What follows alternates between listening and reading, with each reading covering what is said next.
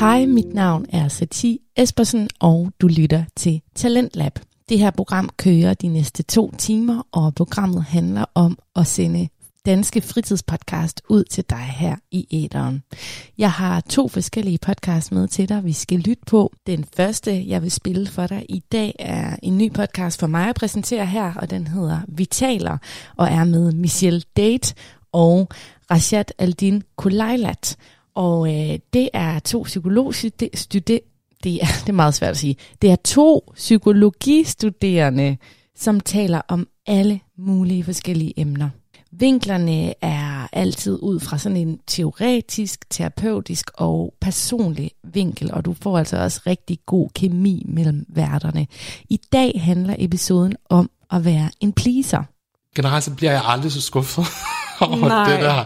Så er jeg bare sådan, nå, men, øh, og du ved, hvis det er en aftale, ikke fordi jeg ikke gider se mennesker, men så er jeg bare sådan, nå, men så hygger jeg mig bare alene.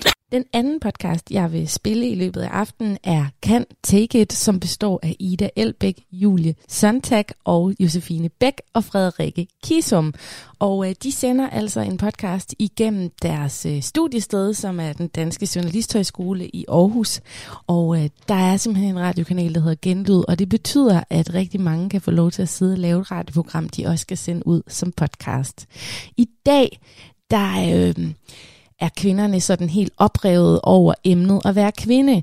Podcasten fungerer nemlig sådan, at øh, den handler om alle de ting, de ikke kan tage, alle de ting, der pisser dem af. Og i dag er det altså deres køn. Og nu er det ikke, fordi jeg skal sammenligne os med en ko. Men øh, en ko er jo kaldt en kvige, inden at kvigen får en kald. Mm. Og når man får et barn, eller en kald, så er man en ko. Ja. Så jeg føler måske først, at jeg bliver en kvinde, når jeg har et barn. Lad os komme i gang med aftens program, og vi ligger ud med podcasten Vi taler.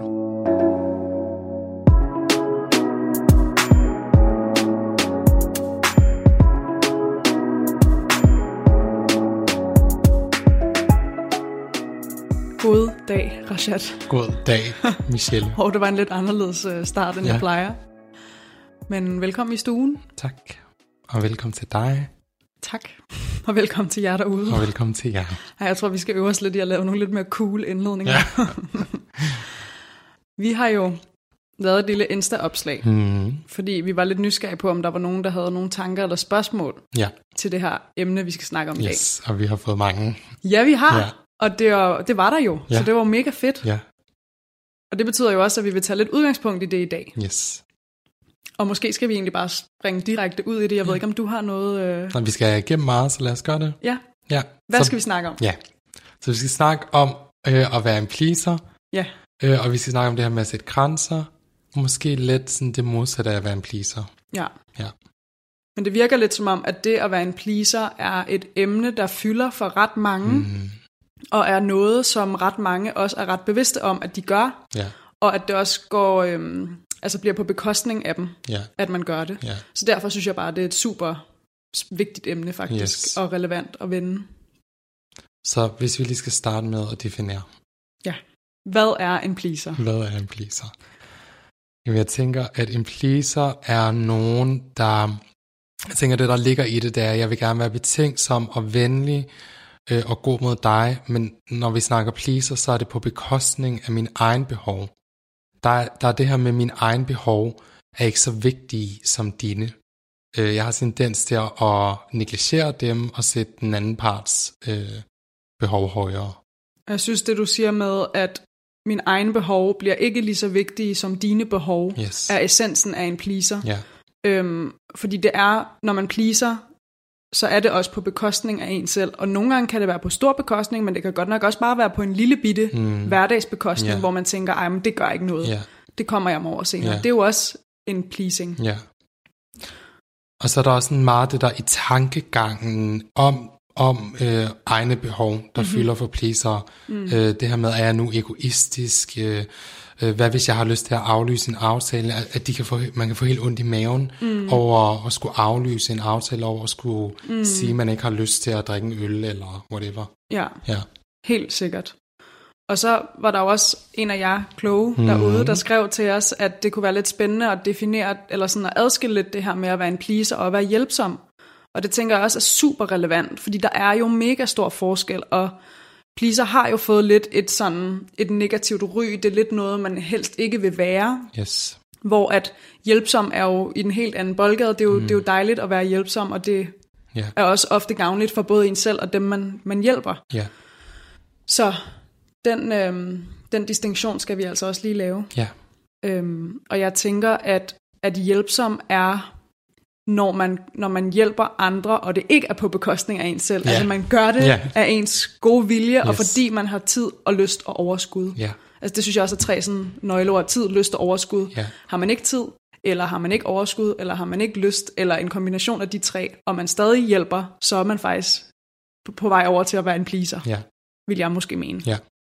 Øhm, Det, det tror jeg, du har fuldstændig ret i. Og der ligger sådan noget med i relationer, øhm, at der skal udgangspunktet med hensynet være 50-50. ja, Øhm, og og jeg siger udgangspunktet, fordi lad os lege i vores relation, at lige pludselig fik jeg det mega dårligt, så kunne det jo godt være, at du tog lidt mere hensyn til mig i den periode, ja, end jeg gjorde til dig, men hvis det var kronisk, øh, at du gav mig 70, og jeg gav dig 30, så vil det jo ikke være en øh, lige relation. ja, det synes jeg også virkelig er en god pointe, at sådan gennemsnitligt hen over tid, skal relationen gerne være nogenlunde equal, Ja, altså 50-50. yes. Øhm, og det tror jeg også måske er et, en meget god indikation på, om man har tendenser til at please, Ja, hvis man observerer sine forskellige relationer, Ja. som kan være mange, det kan være venner, det kan også være familie eller forældre, ja, øhm, og man bemærker, at man faktisk ofte giver en del mere, end man får igen. yes. Øhm, så det er måske også lidt noget af det, der hører med til definitionen af en pleaser. Ja, og hvis vi sådan lige koger suppe på den der, fordi så kan det jo både være, Din, din Mig og min suppe. ja. så kan det jo både være det der med, at jeg kan have tiltrukket nogle energivampyrer, Ja. som er sådan poppsykologisk Ej, energivampyrer. Det er sådan et godt ord, ikke? At, Jo. altså nogen, der tager energi. Og det kan være folk, der, der som udgangspunkt bare gerne vil have 70% lige meget hvad. Ja. Men andre gange, det kan jeg også se i mit eget liv, som, som haft plisende tendenser, og har det stadigvæk lidt, at nogle gange er det også mig, der skal huske at, at tage de 50%. Altså nogle gange, så, så andre mennesker vil også gerne have, at man tager de 50%, ikke? Kan du følge mig? Ja, Ja. ja, 100 procent. Er der andet til definitionen? Jeg havde lige en ting mere, måske. Ja, Ja. hvad er Men jeg ved ikke, om det er mere psykologisk. Nå, men kom med det. Ja. Altså det er, det er fordi, jeg tænker, at en anden ting, apropos hende der, øh, det spørgsmål, du lige nævnte lige før, at det bliver også nogle gange ret nemt for os at sige, men det er også bare fordi, jeg er en pleaser, og det er Ja. også et psykologisk forsvar, identifikation, at hvis jeg siger til mig selv, jeg er pleaser, jamen så er jeg jo fri for nogensinde at skulle lytte til mine egne behov, og lytte til mine egne grænser, Øhm, og det er jo ikke, for, fordi man kan sige, der er også en selverkendelse i at vide, når jeg har pleasende tendenser, Ja. men det der er narrativ, den, som jo er en selvfortælling, en, et selvhistorie-label, at jeg er en pleaser, det kan nogle gange være en hemsko for os. Altså, Øhm. at du tænker en hemsko for ændring, fordi Yes. så fortæller jeg bare mig selv, når man, jeg gør det bare, for jeg Ja. er jo alligevel en pleaser. Ja. Altså hvis vi sådan tænker på, på det der slot, jeg har tegnet mange gange, og som mm. jeg egentlig har for Kisa Paludan, vil jeg lige sige, at, øh, at vi bliver født som det her kæmpe slot, og så lukker vi ned for rummene, i og med at vi tilpasser os vores omgivelser. Mm-hmm. I kender den nu. Mm-hmm. Øhm, man har jo stadigvæk behovet for at fylde, og behovet for at have sin egen behov. Man har bare lukket ned for det. Ja. Øh, så det eksisterer der stadigvæk. Og så længe, hvis jeg identificerer med at være en pleaser, så kan jeg aldrig udvikle mig hen. Så det er en fixering, så bliver jeg fastlåst i aldrig mm-hmm. øh, at være en sund, hjælpsom person. ja. Det er bare lige en anden tanke. Nå, men det er en virkelig god og relevant tanke, som jeg ikke lige selv havde tænkt over, men at det, er jo, det er jo klart, at, at hvis man, hvis man for det første er der jo ikke, det er jo ikke alle, der er klar over, at de pleaser Nej. hele tiden, eller pleaser ofte, Perfekt, eller er en ja. pleaser. Øh, men hvis man så er det, og man så også har tendens til at sige, eller sådan acceptere det, Ja, og ikke vil ændre det, Ja. så bliver det jo en hemsko. Altså. Yes. så kommer man jo heller ikke ud over det, yes. og ligesom lærer måske at passe mere på sig selv og ens behov. Ja. Øhm, så synes jeg virkelig også er en relevant tanke. Så har vi også øh, skrevet det her med grænser, Ja, som jeg aldrig kan finde at udtale. Men, grænser. men øh, en kransekage. for god ordens skyld, skal vi så lige have nogle ord på det igen. Ja. Altså, jeg tænkte, jeg tænkte lidt på det her med, at når man kommer til at please, øhm, så er det også lidt et synonym for, at man overtræder ens egne grænser mm. for at opfylde en anden persons grænser. Øhm, og, Ej, hvor er det godt sagt. nå, tak. Ja. Altså man overskrider sine egne grænser for at imødekomme en andens grænser. Ja, lige præcis. Og det er jo så rigtigt. Ja, Ja. jeg elsker din reaktion. øhm, og som vi også har talt om før, så kan grænser jo være virkelig forskellige. Det behøver ikke bare være, at jeg skal i seng klokken øh, 12, så jeg kan ikke blive længe til den her fest. Det kan jo også være, at jeg kan ikke lige hjælpe dig med den her opgave lige nu, fordi det har Jeg jeg, ikke, presset. jeg er for presset selv. Ja. Altså, det, kan, det kan virkelig være sådan små hverdagsting Ja. øhm, som også er en grænse. Og, og når man så overskrider den grænse for at gøre noget for andre, så, så vil det jo også hænge lidt sammen med, at man pleaser den. Og jeg vil også bare lige disclaime, at det ikke dermed sagt, at man ikke må gøre det, Nej. eller at det er en dårlig Yes, ting at gøre. Nogle med. gange, så kan man faktisk godt vælge at gøre det, velvidende, at man Mm. pleaser, men stadig vælge at gøre det, fordi det måske er det rigtige at gøre. Mm. Tilbage til det med 50 procent, at det må gerne skride over en gang imellem, det skal bare være udgangspunktet. Ja, Øh, og også lidt tilbage til, hvad vi snakkede om i værdiafsnittet. Mm-hmm. Det her med, at jeg godt kunne have en værdi om at være hjælpsom, øhm, og være øhm, altså, betænksom for andre. Det er jo en værdi, vi begge to har faktisk. Ikke? Mm-hmm. Øh, men, og vi vil ikke fjerne dem, vi vil tilføje den noget, og det er at lytte til vores egen behov og sørge for at have os selv med. Det næste spørgsmål, vi har fået. Ja. Hvorfor er det, vi pleaser? ja hvorfor er det, vi pleaser? Og det var det, jeg skulle til at sige. Ja. Men øhm, Men vil du, så, vil du så starte med at lægge ud på, med dit bud på, hvor, hvorfor, hvorfor søren pleaser vi? ja, Hvorfor gør vi det? ja. For vi kender det jo alle sammen. Vi kender det alle sammen. Så apropos det her med, at det kan blive et ideal, så er det jo fordi, at, at mange af os, øh, og der ligger også noget ulighed i kønnene øh, i vores struktur i samfundet, Åh, oh, det er en vigtig pointe. yes, med at vi skal være betænksomme og venlige, det har vi lært fra barnsben, og det er det, der er ordentligt. Og når du siger ulighed i kønnene, vil du så lige... Ja, at, at man kan sige, der er jo særligt, og det er ikke fordi, at mænd ikke kan være det, det slet ikke det, jeg siger, men der er bare strukturelt mere lagt vægt på, at kvinder skal lære, at de skal opføre sig ordentligt, at de skal være venlige og smile og Hjælpsomme, være omsorgsfulde. hjælpsomme og omsorgsfulde, øh, kvindefag, omsorg, mandefag, øh, bank for eksempel. Det lig, der ligger, og vi er selvfølgelig på vej videre, men der ligger noget om det i samfundet. Mm-hmm. Øhm, og så, du ved, der ligger også noget det der med at være ordentlig. Altså det ligger faktisk i, i idealet om at være et ordentligt menneske. Øhm, at vi skal være venlige og flinke, og der er sådan noget, vi roser øh, andre for ret tit. Ja, Øh, og være man- hjælpsom, er men man ved ikke, er at den hjælpsomhed måske nogle gange er Ja. pleasing. Yes. Så, så på en eller anden måde kan man jo sige, at hvis vi tager det der slotsbillede, ligesom jeg sagde i starten, så er det jo fordi, vi lærer, at det er der, vi bliver set, det er der, vi bliver anerkendt. Det er, når vi hjælper og gør det, og samtidig måske øh, frygter det her med at være egoistiske, fordi det er det, vi har lært, vi ikke må, så bliver vi ekskluderet, hvis vi er det.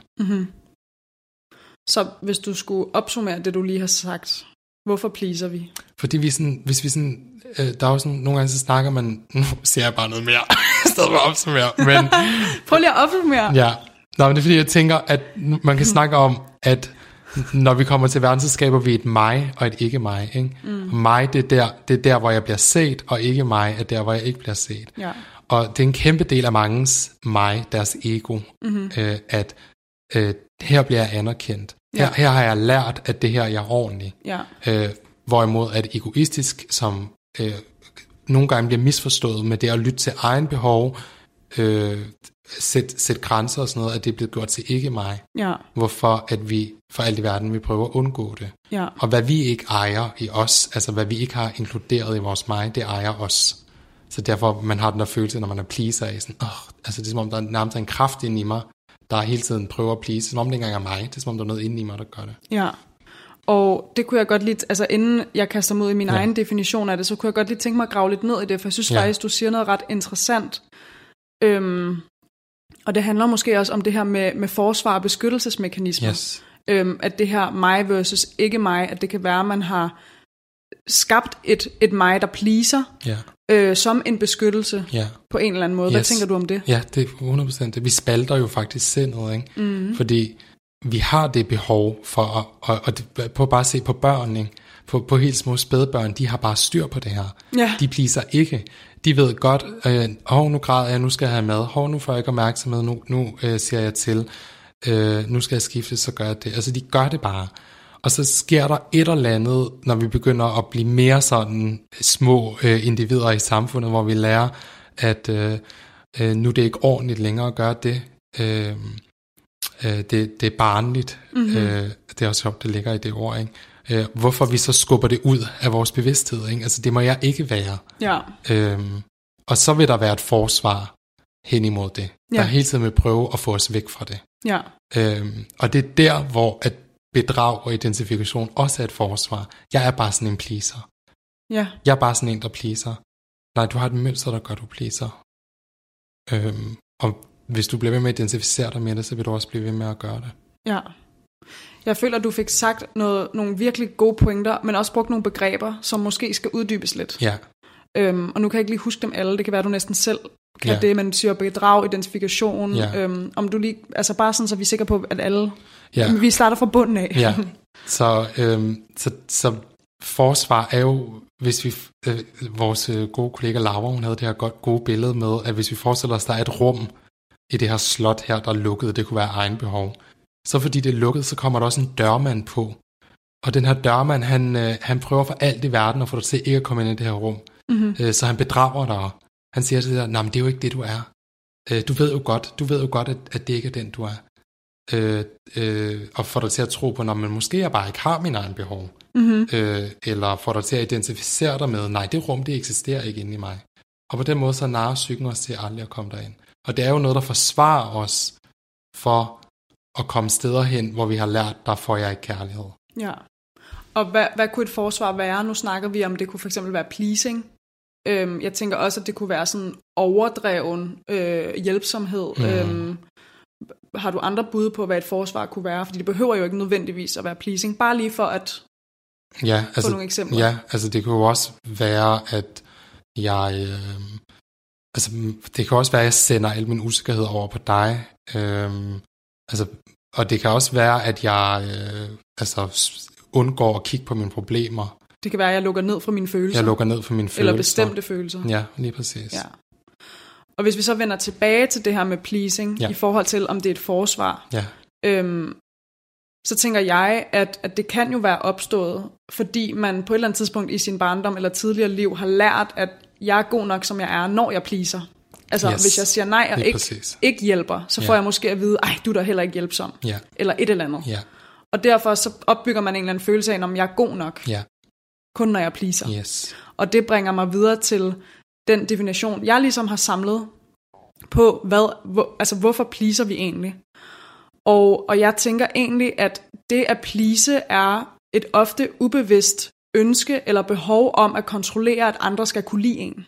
Og det, det kommer jo af, at hvis man pleaser andre, så håber man på, at det man får igen er, at de kan lide en bedre. Mm. Og det synes jeg er rigtig, rigtig spændende, fordi i princippet skal vi jo kunne blive livet, eller være, være vældige som dem vi er, mm. og ikke for at gøre noget ekstra. Ja. Øhm, ja. Det, der, på en eller anden måde, så er det jo en måde, vi manipulerer. Det er faktisk ubevidst manipulation. Ja. Lige præcis. Og det er ikke fordi, man skal sidde og tænke derude nu, når jeg så egentlig manipulerer, men det er rigtigt. Jeg skal, det er et kald på kærlighed. Jeg har brug for, at du kan lide mig. Ja, Og så, hvis, så har jeg opdaget, at hvis jeg gør mig ønsket af dig, ja, så, så kan du lide mig. ja. Altså hvis jeg, hvis jeg, øhm, hvis jeg, øh, jeg prøver at manipulere dig til Ja. at kunne lide mig, Ja. lide mig Ja. ved at jeg lever op til dine behov og krav og forespørgseler, på trods af, at det går be- på bekostning af, af mit selv. Mm. Fordi jeg vil så gerne have, at du kan lide mig. Ja, så vældigt er mig, og mm-hmm. ikke vældigt er ikke mig. Ja. Og strategien til at håndtere det er at please. Ja. Ja. Og her er den essentielle nøgle over dem alle, er jo, vi behøver ikke at være vældigt. Nej, præcis. Altså, at vi behøver ikke at kunne blive livet af folk. nej. Og det er der, det bliver så komplekst, Ja, ja. fordi dem vi pleaser, kan jo være vores nære, nære relationer, det kan være vores bedste venner, det kan sågar være vores forældre. Ja. Og det er jo ret vigtigt for os sådan instinktivt og biologisk, Mm. at man har et tilhørsforhold til dem, og man føler, at de kan lide en, og man kan lide dem. Og det, det øger jo kompleksitetsniveauet, når jeg siger, vi behøver ikke at være vældigt, og det forstår jeg også godt. Men der er bare rigtig mange nuancer i det, som ikke behøver at betyde, at man pleaser og går på bekostning af en selv, Ja, i et ønske om at få Ja. dem til at kunne lide en. Ja. For de burde faktisk kunne lide en, ja. uden at man pleaser.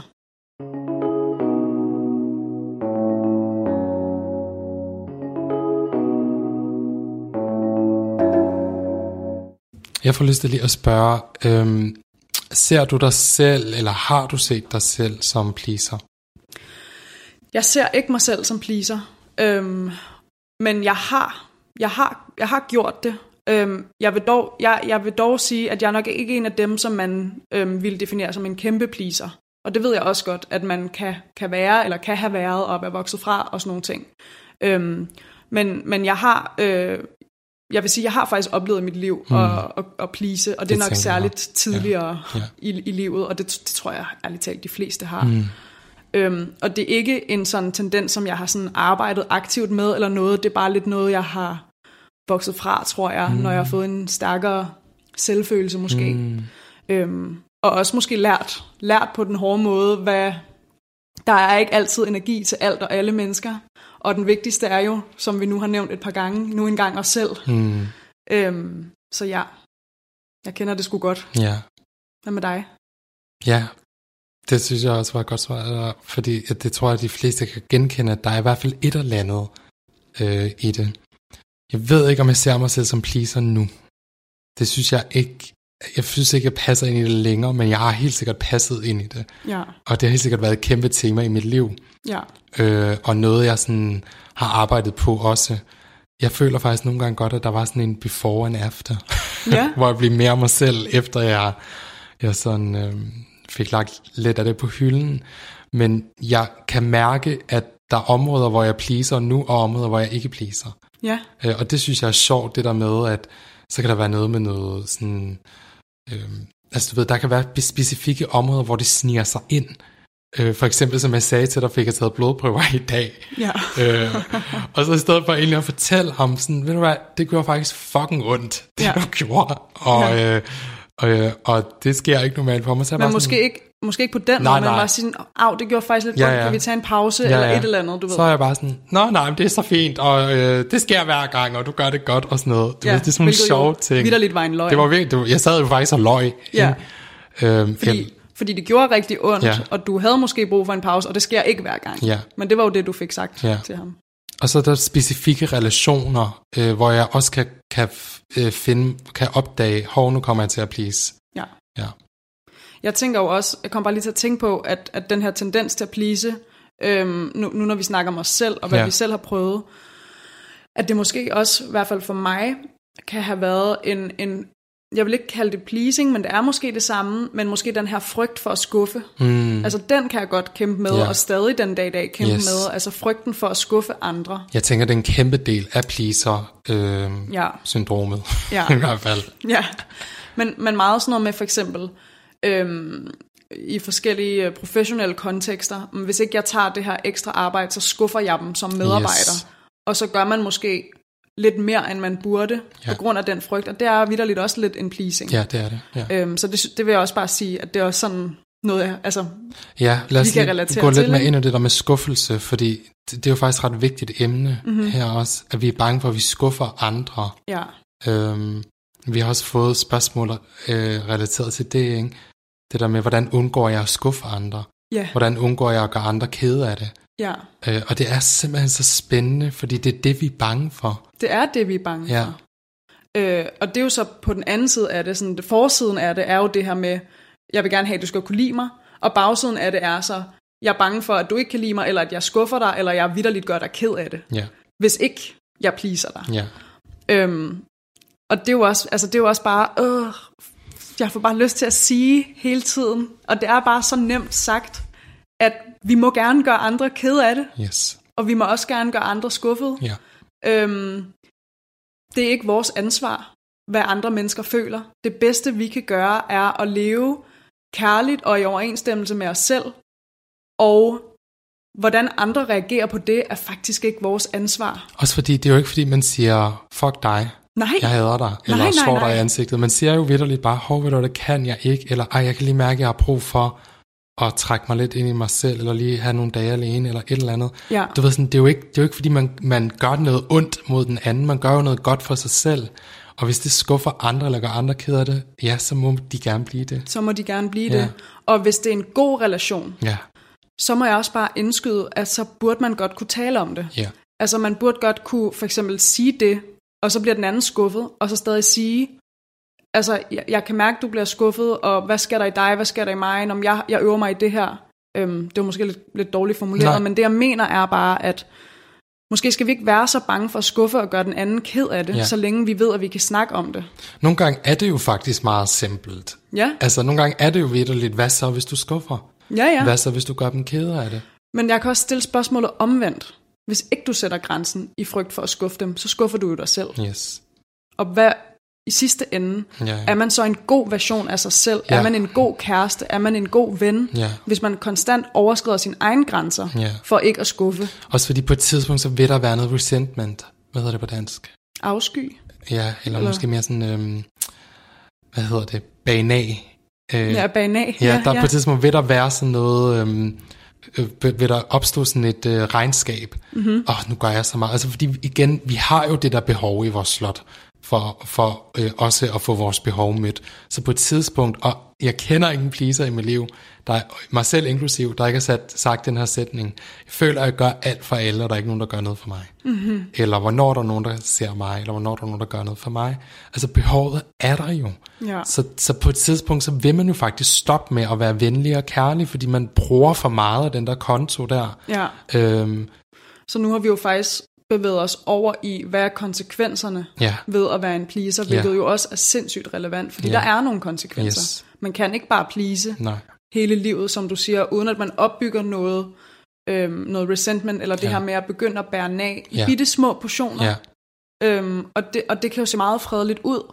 Lad os sige, man har en, en nær relation øhm, til en ven, som man kommer til at please rigtig meget, og man bliver ved med at tænke, når man jeg er jo bare en pleaser, eller sådan, jeg, jeg siger fra næste gang, eller et Ja. eller andet. Henover, lad os sige, lang tid, måske et år, så er der altså opbygget sig noget irritation, der måske gør, at man ikke har lyst til at være venner med den person mere. yes. Og det er jo faktisk primært ens eget ansvar, fordi man fik jo aldrig stoppet den, Ja, den pleasing. ja, ja. Eller der kan opbygge noget, øh, en konflikt, eller noget, det Ja. behøver ikke at være så dramatisk som at miste en ven. Men jeg, rigtigt. jeg prøver bare at billedliggøre, at, at der er altså nogle konsekvenser ved at please, så i sidste ende er det altså win-win, selvom det føles farligt. Ja. Også fordi, at, at øh, hvis man, lad os prøve at lege med ideen om, at jeg er ude og please hele dagen. Ja. Og så Som kommer, du. jeg, så kommer jeg hjem om natten eller om aftenen, og så føler jeg mig så tom. Ja. Fordi jeg er ikke blevet set. Ja. Jeg er ikke blevet holdt. Mine behov er ikke blevet mødt. Og så kan det faktisk, altså så kan det være, at jeg søger over mod øh, maden, eller søger over mod noget andet. Nu tager den bare, fordi det er så rigtigt, at det er altså også det, der sker der. At vi kommer til at selv, øh, hvad hedder det, om, altså misforstå selv øh, omsorg med sådan, så, skal jeg, så må jeg gerne gøre det her, det er godt for mig selv. Mm. Nej, du må gerne gå ud i verden og kræve, at dine venner ser dig, eller at, at folk omkring dig ser dig. Jamen ikke bare det, du, må, øh, du behøver ikke engang, altså ikke engang det at kræve, at de ser dig. Du må egentlig også bare sige fra, når de Ja. kræver, at du skal se dem. Altså det må man godt.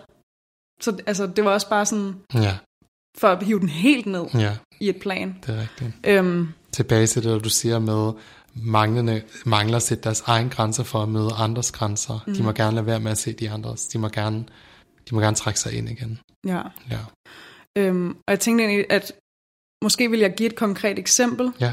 Øhm, og noget vi også vil komme ind på senere, er jo det her med, hvordan man kan øve sig i at stoppe med at please, Ja. ja. og hvordan man kan hvordan man kan hjælpe en, man Ja. ved øver sig i, Ja. stopper med at please.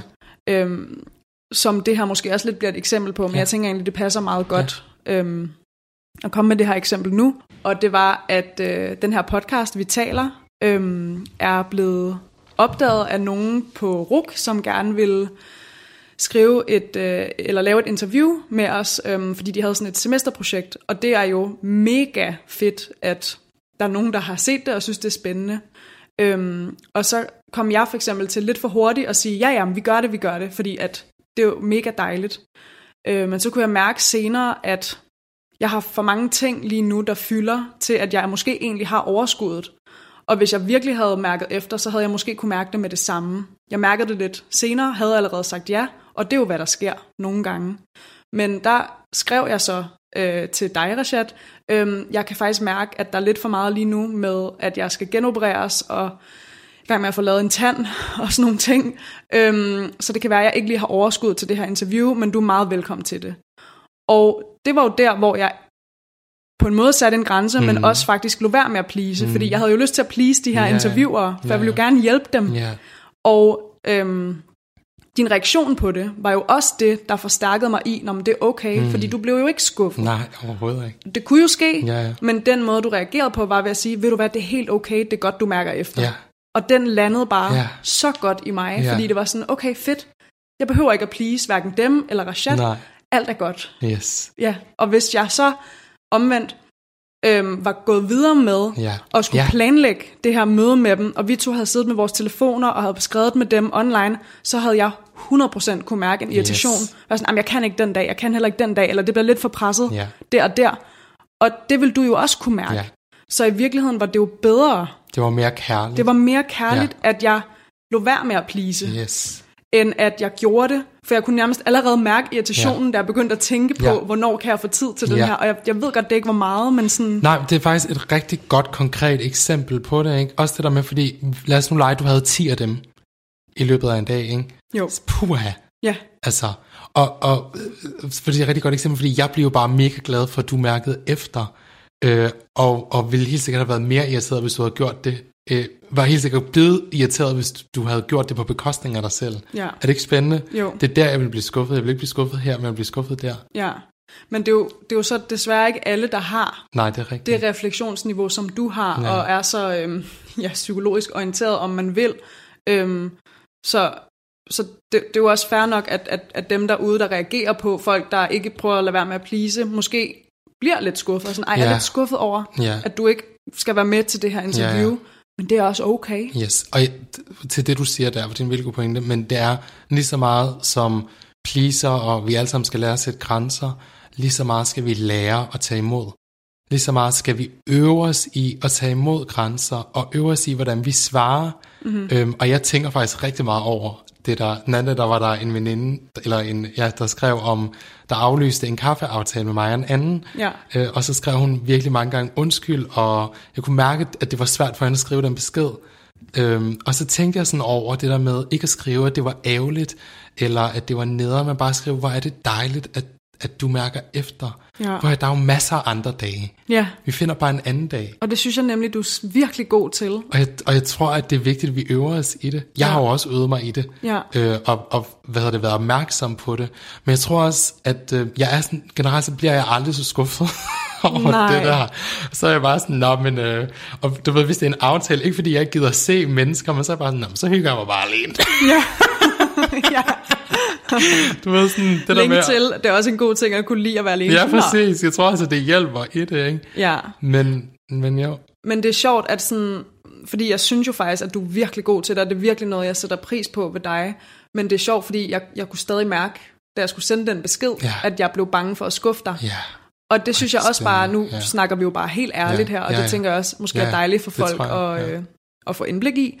Men, men den der lille bitte sådan, ej, bliver han nu skuffet? Eller synes han, synes han, jeg er nederen? Eller tænker han, jeg skal jo prioritere anderledes? Eller et eller andet. De tanker dukkede stadig Ja, op ja. i mig. Ja. Og det er jo det, jeg tænker, der forhindrer folk Yes. i rent faktisk at gøre det. 100.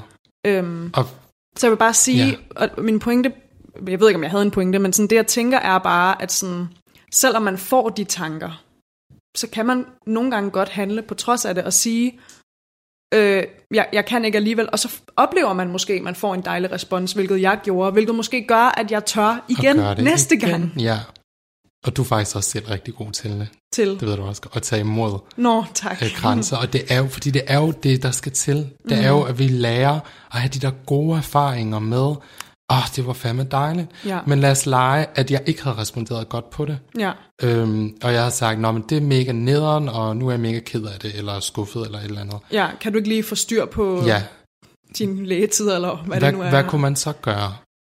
Jeg tænker, altså fordi det, det er et virkelig godt spørgsmål, og jeg tænker faktisk, at for mig, at jeg er det sted, hvor jeg vil, jeg vil godt kunne stå op for mig selv Yes. og sige, ved du hvad, jeg er virkelig ked af, at du er skuffet, men jeg må simpelthen prioritere sådan. Yes. Øhm, er det noget, vi, vi kan tale om, for jeg kan godt forstå dine følelser, Ja, men, men, men jeg bliver nødt til at holde fast yes. i det. Ja, og, og måske også øh, helt sikkert, fordi det ville være så godt at gøre det der.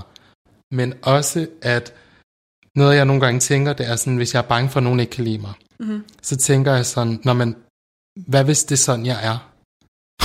jeg ved godt, det lyder mærkeligt, men så tænker jeg, hvad hvis det er sådan, jeg er? Så skal jeg jo finde nogen, der kan lide mig. Altså, hvad, hvad hvis jeg er sådan et menneske nu, der prioriterer øhm, min tid øh, sådan her? Hvad hvis det er bare den, jeg er? Og der er et menneske, der ikke kan lide mig for det, så bliver jeg jo nødt til at, at sige, men så må jeg jo, hvad hedder det, fodre de mennesker, der godt kan lide mig der. Ja. Og det er ikke fordi, vi så skal sige farvel til relationer, men nogle gange så kan jeg lande i den tanke sådan, hvad hvis det er sådan, jeg er?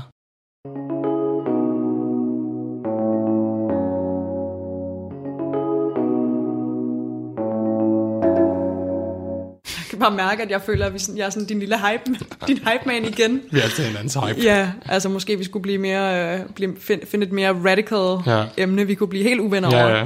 Det ville vi også godt kunne klare, men, øhm, men ja, altså det, det, det synes jeg altså også er virkelig, virkelig vigtigt, også fordi, at jeg tror måske, mange med den her frygt for at skuffe, øhm, ved ikke at please, øh, gå glip af at opdage, hvor dejligt ens relationer kan støtte en. Som du for eksempel skrev til mig. Ja. Altså man, man går simpelthen glip Yes, af, at man yes, kan blive yes. båret og, og, Ja. og hjulpet og grebet ved at fortsætte Yes. i den sti. Ved du, det er ærgerligt. Det er så spændende, fordi det er så rigtigt, det der, at man går glip af en verden. Øhm, jeg synes, fordi... Jeg, please. Ja, det gør man. Man går glip af at kunne tage imod, øhm, når man, der er sådan noget, der hedder CF, CFT, kom, kompassionsfokuseret terapi. Øhm, Hvad hedder det? EFT? kompassionsfokuseret terapi. ja, compassion focused. Ja. Ja. Øh, og der snakker man om det her med at kunne, altså compassion, altså, øh, hvad hedder det, som egentlig er noget lidt andet end venlighed. Det betyder sådan at, altså medlidenhed, eller kan, der er ikke rigtig nogen god oversættelse. Nej, sådan kunne lindre andres smerte. Men hvis vi bare lige prøver at tage den metafor, de har over på venlighed, Mhm. mm-hmm. så siger de, at man kan dele det ind i tre ting. Øh, vær venlig over for dig, øh, vær venlig over for mig selv, og kunne tage imod venlighed fra andre. Ja. Øh, det er så kompassion, ikke? Og når jeg sådan tænker på mit liv, så da jeg var yngre, der, var jeg, der havde jeg helt sikkert styr på at give det til andre, og være der for andre. Nailed it. Mega dårligt til at give det til mig selv og Ja. tage imod. Ja. Nu er jeg virkelig, virkelig god til at give det til mig selv. Ja. Lige så meget, som jeg er til at give det til andre. Ja. Altså, jeg elsker virkelig mig selv, lige så meget, som jeg elsker andre. Mhm. Mm-hmm. Der skal være nogen, der øh, sluger kaffen forkert, men det gør jeg virkelig. øh, men jeg kan mærke, at jeg nogle gange godt kan være lidt dårlig til at tage imod. Så sjovt. jeg tror ikke, der er nogen, der sluger kaffe Nej. forkert. Men når, men når jeg så, selvom jeg synes, det kan være svært at tage imod, når jeg så oplever det, så er det jo bare så dejligt. Ja. Det er så dejligt, det der mm. med at føle sig holdt. Øhm, her den anden dag, så var jeg ude med øh, to veninder, og så sagde jeg sådan til dem, at jeg har lige haft nogle dage, hvor jeg har været ked af det. Og sådan en, hun sagde sådan til mig, Mariciat, gider du ikke godt snakke med os om det? Og så spurgte hun lidt mere ind til det. Og det var ikke, fordi jeg var ked af det det længere, men så sagde hun til mig sådan, du behøver altså ikke være stærk hele tiden. Og så begyndte jeg bare at græde. Mm. Og det var bare så dejligt. Og jeg har egentlig også den oplevelse tit med dig også, at jeg kan komme her og slynge ud. Øhm, kan du følge mig? Ja. At vi går glip af den verden. Ja, fordi jeg, jeg tænker jo også, at, øhm, at der er et pleaser-element i, at man, at man ikke har lyst til at tage plads i en Yes, relation, yes. og sige, at jeg er mega ked af det, eller jeg har brug for at snakke om det her. Man vil hellere please ved at lytte til den andens Yes, problemer, ja. eller give råd til den anden. Ja, Og det er, altså, det er jo pleasing, Ja. at man ikke, ja, man ikke faktisk også selv tager den plads, Ja. og siger, "Nå, men ved du hvad, i dag har jeg faktisk lige brug for, at vi snakker om mig, Ja. eller det, der fylder hos mig. ja, Øhm, og præcis som du Ja. siger, man går jo glip af den nærhed og dybde i de Ja. relationer, ved ikke at ture det. yes. Og det synes jeg bare er en virkelig vigtig pointe, men jeg, jeg kender det bare så godt selv, mm. og det har virkelig også taget mig lang tid, og jeg er faktisk stadig dårlig til det. ja. Specielt Nej. det der med at tage plads og Ja. sige, Ja, der er noget, der fylder for mig i dag. Jeg kan ofte få sådan en, når jeg har snakket lidt, så er jeg sådan, nu har jeg også snakket for meget. Ja. Eller sådan, Ja. nu, nu, nu kan vi ikke snakke mere om Ja. mig. Nu har jeg brug for at høre om Ja, dig, fordi ja. at altså, jeg bliver bange for at tage for meget fokus, Yes. ikke? Og det er, jo, det er jo ikke rigtigt. nej. Det ved er jeg jo det også bare godt. Ja, ja. Og det får jeg også at vide, Ja, ja. heldigvis. Men jeg Øhm, kender det godt. Jeg kan ja. sagtens relatere til det, tror jeg, der er mange, der kan.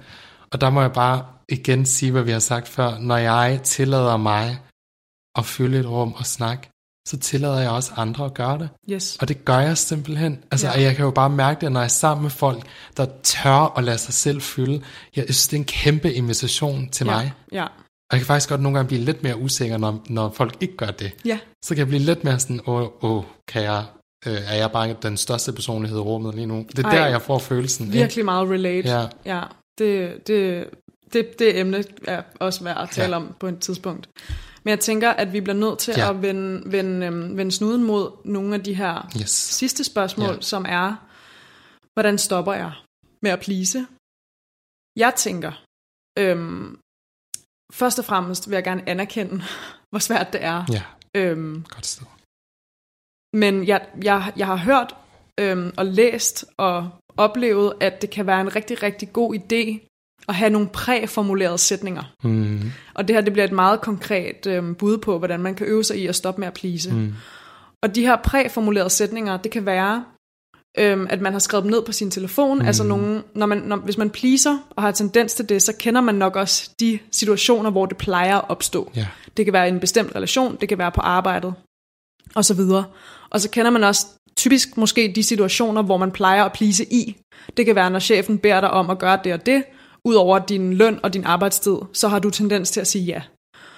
De her præformulerede sætninger skal så tage udgangspunkt i de her kontekster, hvor du skriver ned på en, en kærlig, men også assertiv måde, mm, øhm, hvordan du kan give dig selv lidt mere enten tænkerum, øh, sådan så du har mulighed for at sige fra, eller hvordan du reelt kan sige fra i situationen, hvis Yes. du også har mod på det. yes, Og det en af de bedste sætninger, jeg har lært, det er noget i stil med, vil du hvad, jeg kan mærke, at jeg ikke lige kan tage stilling til det lige nu, mm. må jeg vende tilbage. yes, Ej, og den virker så godt Jamen, i den. alle mulige tilfælde, fordi ofte får vi bare sagt ja for hurtigt yes, til chefen, til vores Yes. venner.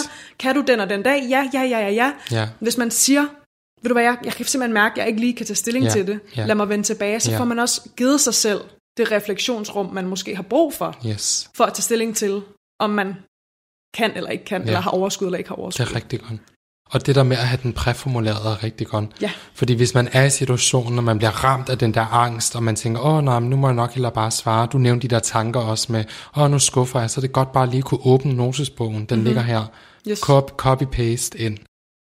Øhm, ja, og, og faktisk også bare det der med at være ærlig, synes jeg også nogle gange hjælper. At have de der præ, øh, præformulerede ærlige sætninger. Ved du hvad, jeg kan sgu mærke, jeg er lige lidt flad på energi.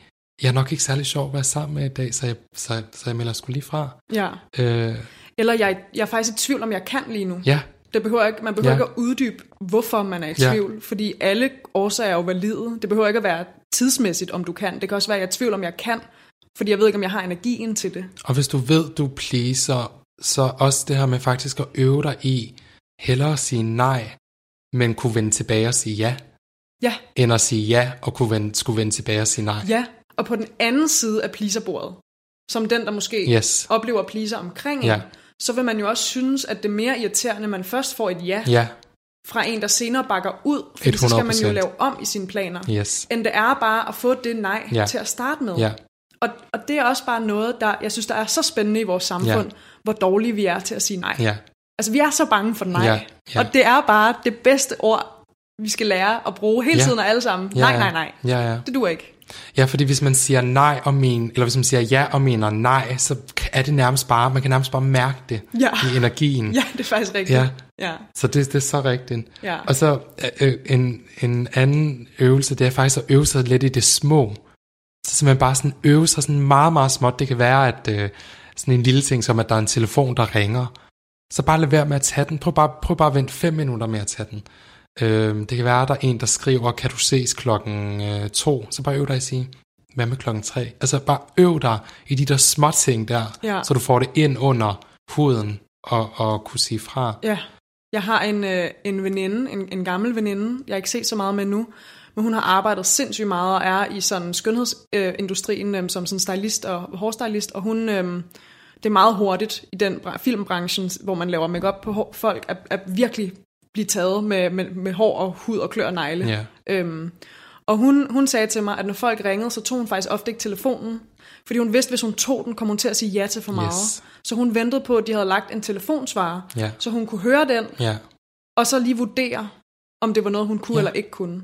Og det er jo, det er jo i samme tråd med det er ikke jo at tage telefonen. virkelig kærligt at gøre det for sig selv, at give sig selv de støttehjul, Præcis. øh, der kan gøre, at man kommer over. Og så vil jeg også lige sige, at der er forskel på indre og ydre grænser, og hvis vi har svært ved de ydre, det her med at skulle sige assertivt til dig, det kan jeg ikke, mm-hmm. eller det vil jeg ikke, eller jeg har ikke tid, øh, så kan vi øve os på de indre. Faktisk det der med at være ærlig med os selv, fordi det er tit det, der også er svært for pleaser, det er faktisk det der med at mærke. Så det der med at komme helt clean med dig selv, har jeg lyst lige nu? Vil du ikke lige beskrive, hvad du mener med ydre og indre grænser? Ja, så ydre grænser er, at jeg sætter grænser for dig. Mm-hmm. Altså jeg i tale sætter dem, de kommer ud af min mund, mm-hmm. og jeg viser dig den. Indre grænser er, at jeg mærker min grænse. Yes. Jeg mærker, jeg har ikke lyst. Og kan man godt have en indre grænse, og så stadig ikke lytte til den? Ja, sagtens. Okay, er det stadig at øve sig, vil du sige? Nej, jeg synes, at man... Fordi det, der tit sker, det er, at folk de, de øh, mærker ikke deres indre grænser, og derfor kommer de ikke til at sætte deres ydre grænser. Så det der med at træne, første skridt bare at træne og være ærlig med mig selv. Ja. Hov, jeg kan faktisk mærke, at jeg ikke, jeg ikke har lyst til at tage afsted.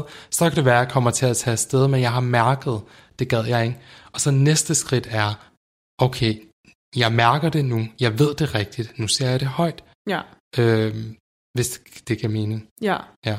Og, og når man begynder at sige det højt, så, så kender vi jo alle, det alle sammen med, det der med, at man, man kommer sådan nærmest til at undsk, være en stor undskyldning Ja. for ikke at please, ikke? Yes. eller sådan for at sætte den der skide Yes. grænse. Ja. Så med, jeg, jeg er virkelig, virkelig Ja. ked af det. Jeg har kommet til at Ja. dutten, datten, Ja. men jeg, jeg tror måske ikke, at det kan lade sig gøre. Øh, Jeg er Ja. lidt i tvivl, ditten, dutten, datten. Lad være.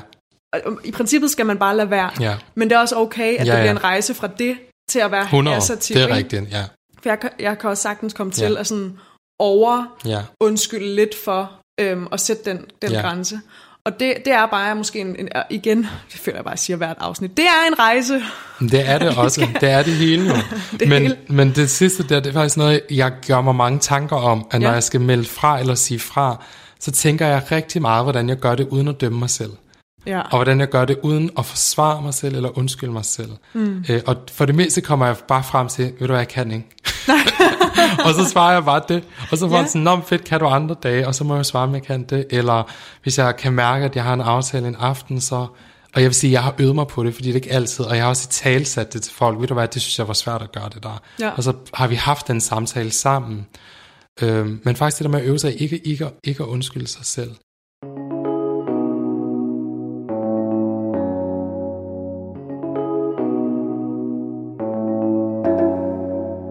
Øhm, jeg har jo også omsorgsdage nogle ja. gange. Ja. Normalt ligger de om torsdagen, og jeg la- det, en omsorgsdag for mig er, hvor jeg lader op, så det er bare kun mig, gå nogle ture og sådan noget. Øhm, og så fanger jeg mig selv lidt i det der med, øh, at skulle sige, jeg skal egentlig ikke noget, men jeg kan ikke. Øh, kan du følge mig? Fordi jeg skal jo ikke noget. Jeg skal have min omsorgsdag. Så Nå. jeg havde en tendens, hvor jeg sagde, jeg skal ikke noget, men det skal jeg jo faktisk. Jeg Ja, skal ja. lade op. ja, jeg forstår øhm, nu. og nu der er jeg bare begyndt at sige, jeg kan ikke. Ja, ja, der- fordi man, vi, ja. det er jo også en anden ting, at vi Ja. har tendens til, hvis ikke der står noget i kalenderen, Ja. selvom vi ved, når jeg har sat den tid af til mig selv, Yes. så føler vi nærmest ikke, det er en valid undskyldning. Nej, Men er det er det, og det, det, det, det. har du helt ret i, at øh, fritid i kalenderen, fordi man har brug for det, fordi man har en travl hverdag, det er også en valid undskyldning ja. for ikke at kunne noget. Ja. Virkelig god pointe. Og så tænker jeg, at der ligger noget i, at hvis vi forestiller os det at være kærlig over for dig, jeg tror, jeg har sagt det en gang før, hvis jeg skal være kærlig over for dig, hvis det er en ligning, så skal den ligning hedde mig plus dig. Så snart jeg fjerner mig fra ligningen, så er det ikke kærligt længere, så er det frygt. Mm. Og det kan du godt mærke.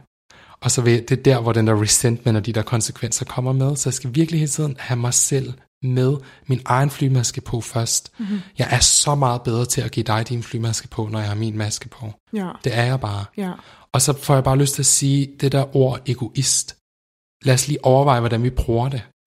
Jeg, jeg øver mig rigtig meget i faktisk aldrig at bruge det ord. Mm-hmm. Fordi der er jo faktisk ikke rigtig noget. Altså, hvor- er det egentlig, vi har det ord fra egentlig? Ikke? jeg tror, det er, når det kommer mere over i det 100, personlighedsforstyrrede, ikke? 100. Altså, Men hvis vi så snakker om det, for eksempel, så der er, der er, er hvad hedder det, antisocial, altså psykopater, eller folk, der mangler empati, narcissister, eller øh, de har energivampyrer, folk, der gaslighter og sådan noget, jamen de har en adfærd, de har en sygdom, der gør, at de ikke har empati. Det er rigtigt. Så lad os lægge dem herover og, mm. og lægge egoismebegrebet med derover. Ja. Og så alle os andre normale her, ikke fordi der er jo også grund til at være det, men alle os andre herover, lad os lige aflive det ord. Mm. Fordi nogle gange, så, så hører jeg også, at vi siger, og jeg har også selv sagt det her, nogle gange må man gerne være egoistisk. Er det egentlig egoistisk? Øhm, og jeg synes, det er ret sjovt, ikke? Fordi når vi tænker på, på øh, egoisme, ikke? så siger vi tit det der med, at man har et stort ego. ja, Men rent psykologisk set, så er det jo omvendt. Jo mindre et ego du har, jo, jo flere rum du har lukket, jo Ja. mere egoistisk bliver ja, du. for men jo et kæmpe større, ego vil ja. ofte være mere egoistisk. Yes. Ja, Ja, det siger vi ikke, men et stort ego. Altså hvis jeg har plads, hvis mit jeg, mit freudianske jeg, den jeg identificerer mig med, hvis det er stort, hvis alle rummene i slottet er åbne, så er jeg jo meget mere kærlig, end hvis de er lukket, og jeg har sådan et indeklemt ego. Det er jo det, der larmer. Ja. Det er det, der gør folk egoistiske. Ja, men i, i hverdagstal plejer vi jo at sige, ej, du har et stort, Ja. eller den person må have et stort Ja, ego. og i virkeligheden er det omvendt. Ja, det har, det har jeg aldrig tænkt over. Det tror jeg lige, jeg skal tænke lidt mere Ja. over, for at jeg kan forstå det. Øhm, det sidste, vi lige skal nå på falderæbet, og vi har jo kommet lidt ind på det allerede, ja. men det er det her med, hvordan kan vi så hjælpe en, som måske har tendens til at plise? Hvordan kan vi være der for dem? Hvordan kan vi støtte dem i og øve sig i at lade være? Ja, og jeg tænker, det er det der med, at vi alle sammen skal øve os, for det første øve os i at respondere vel på det.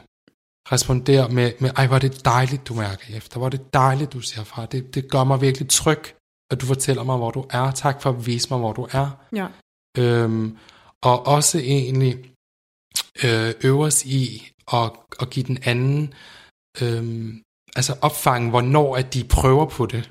Hvis vi ved, de har svært ved det, så kan det være, at vi opfanger, at der er nogen, der bliver stille, mm-hmm. øh, når de har gjort noget. Så simpelthen så nogle gange faktisk spørge, må jeg lige spørge, var det fordi, der var en grænse der, der, ja. der, der Ja. ja. skulle have været sat? Øh, og alt det sagt, så må jeg også sige, dog, så er det den anden persons ansvar at sætte dem, og det er Ja. kun den anden person, der kan Ja. gøre det. Fordi for eksempel, vi, som vi har snakket om, det der med, at vi kan ikke, vi kan ikke gå og være opmærksom på andres grænser mm-hmm. hele tiden. Nej, nej, det er alt for stort, Ja. ja. stort spil. Men Hvad jeg tænker særligt det her med at, at respondere vel på dem, men også at være støttende i, at som du siger, hvis man kan mærke, at, at der er noget, der måske er lidt off, altså spørg ind til, har du brug for noget betænkningstid? For eksempel, giv Ja. den anden person Ja. noget plads Ja. til lige at mærke efter og sige, "Men du behøver faktisk ikke at svare nu, øhm, sådan så den person ved, at det er okay Ja. at gøre det. Og så den sidste pointe er også, du kan faktisk hjælpe en pleaser med at stoppe med at please, ved ikke selv at please. Ja. Fordi som du siger, ja, hvis man ikke selv pleaser, så tillader man også andre, at det er okay ikke at please. ja. Og øve os i ikke at bruge de der ord som egoisme eller sådan ting, fordi det er det, vi er bange for. Lad os få det ud af vores ordforråd. Det er ikke egoistisk, det er kærligt at sætte sig selv først. Okay, så lige her til sidst, der tænker jeg lige, at jeg gerne lige vil lave en lille øvelse. Vi gerne vil lave en lille øvelse. Øhm, så det kan man bare lige lytte med videre, hvis man har lyst til det, og ellers så er episoden egentlig slut nu. Ja, vi runder lige af Vi runder lige af bagefter, men, bagefter. men det bliver en rigtig fin lille øvelse, og den tager kun to minutters Ja. tid. Så, Og jeg ved jo ikke, hvad det er Nej. endnu. Det er Rashad, der har den i ærmet. så hvis man lige sådan starter med at lukke sine øjne, Mhm. mm-hmm. hvis man kan det. og jeg vil bare lige sige, at Rashad laver den her øvelse på mig. Ja. ja. Og Det er så, helt ja, nyt. Så hvis du bare strækker din arm ud, så strækker dem helt ud. Og så bare forestiller dig, at der hvor armene strækker ud, der øh, opstår der nogle vægge, og det danner sig sådan en, en firkant udenom dig. Og det her, det er dit personlige rum. Det her, dine grænser er. Det her, øh, dine behov er. Og så prøv at mærke på ting, på situationer, hvor du er bange for at skuffe andre. Og så prøv sådan at mærke om nogle af de her mennesker, hvor de befinder sig henne i forhold til dig. Er de inde i boksen? Står de uden for en boksen? Og hvis de står inde i boksen, så må du faktisk gerne bede dem om at træde ud. Der er ikke nogen mennesker, der skal være herinde. Det er dit rum, og kun dit rum. Så du sådan forestille dig, at du nu beder dem om at træde ud af den her boks. Og selv hvis det er din mor, eller din søster, eller din gode veninde, så er det ikke fordi, du ikke elsker dem. Det er slet ikke det, det handler om. De- Der er bare ikke nogen mennesker, der skal være i det rum. Så prøv sådan at mærke, om du har nogen historier, eller noget om det her med, at du ikke må have dine egne behov. Så mærk, om de er inde i den her boks. Og hvis de er tæt på dig, inden for grænserne, så skub de historier ud. Det er ikke dine historier. Det er nogle andres. Og få dem ud af den her boks.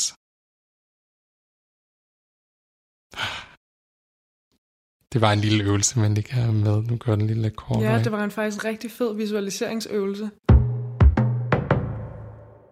Vi når desværre ikke at få afslutningen af podcasten Vi taler med, fordi der er nyheder lige om lidt. Men jeg kan da fortælle dig, at du har lyttet til Michelle Date og Rashad Aldin Kulailat, som er værter på den her podcast. De er psykologstuderende, og øh, den måde, de dykker ned i tingene på, er altid med en teoretisk og også personlig vinkel, som du kunne høre her i episoden.